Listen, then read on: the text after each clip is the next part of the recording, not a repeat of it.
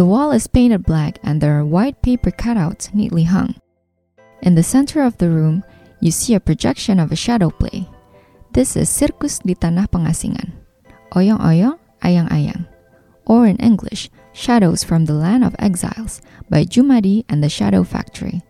Weaving together art, music, and poetry, they reimagine a traditional wayang puppet theater, presenting an innovative work that is both lighthearted and unsettling, yet familiar.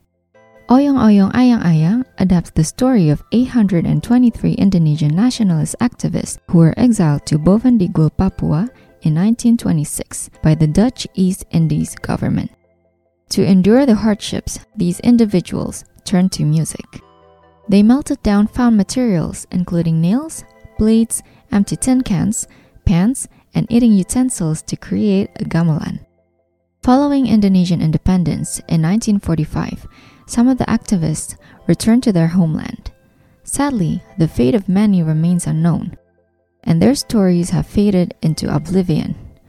Nevertheless, this work invites us to experience beauty and see the way art encourages us to stay alive.